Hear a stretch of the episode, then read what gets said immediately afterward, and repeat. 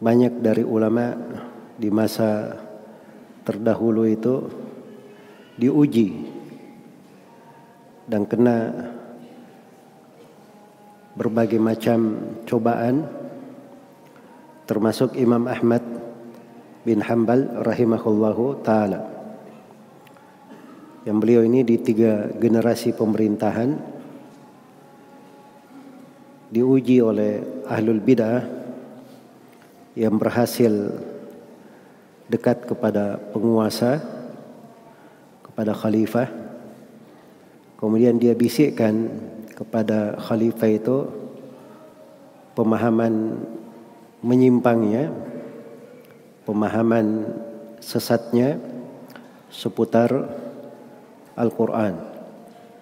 Maka khalifah pun mendukung ucapan ahlul bidah tersebut dan menetapkan kebenaran seperti yang dikatakan oleh para ahlul bidah itu seperti Ahmad bin Abi Duat, Bishir al-Marisi dan semisal dengannya.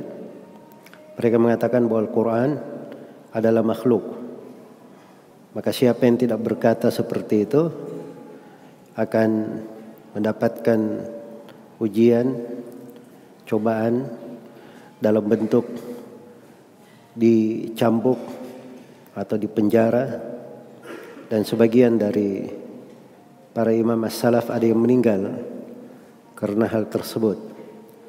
Dan termasuk yang diuji di dalam hal itu adalah para imam besar di antara mereka ada yang selamat setelah diuji dia lolos.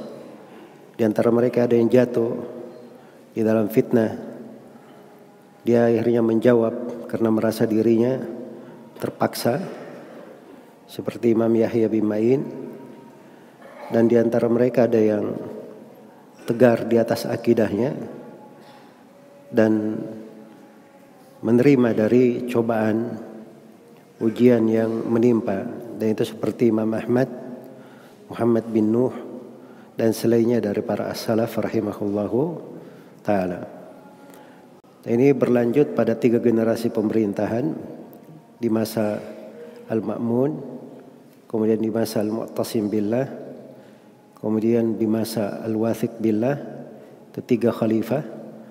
Nanti di masa Al-Mutawakkil barulah ia tersadarkan akan benarnya ucapan Imam Ahmad rahimahullahu taala kemudian lenyaplah dari ujian tersebut dan berjayalah ahli sunnah setelah itu.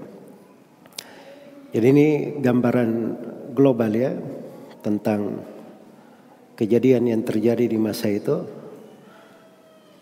Makanya wajar di buku-buku akidah itu disebutkan dari pembahasan pembahasan ini dan dihafal benar oleh Al-Imam Qutaibah Ibnu Sa'id rahimahullah dari para ulama.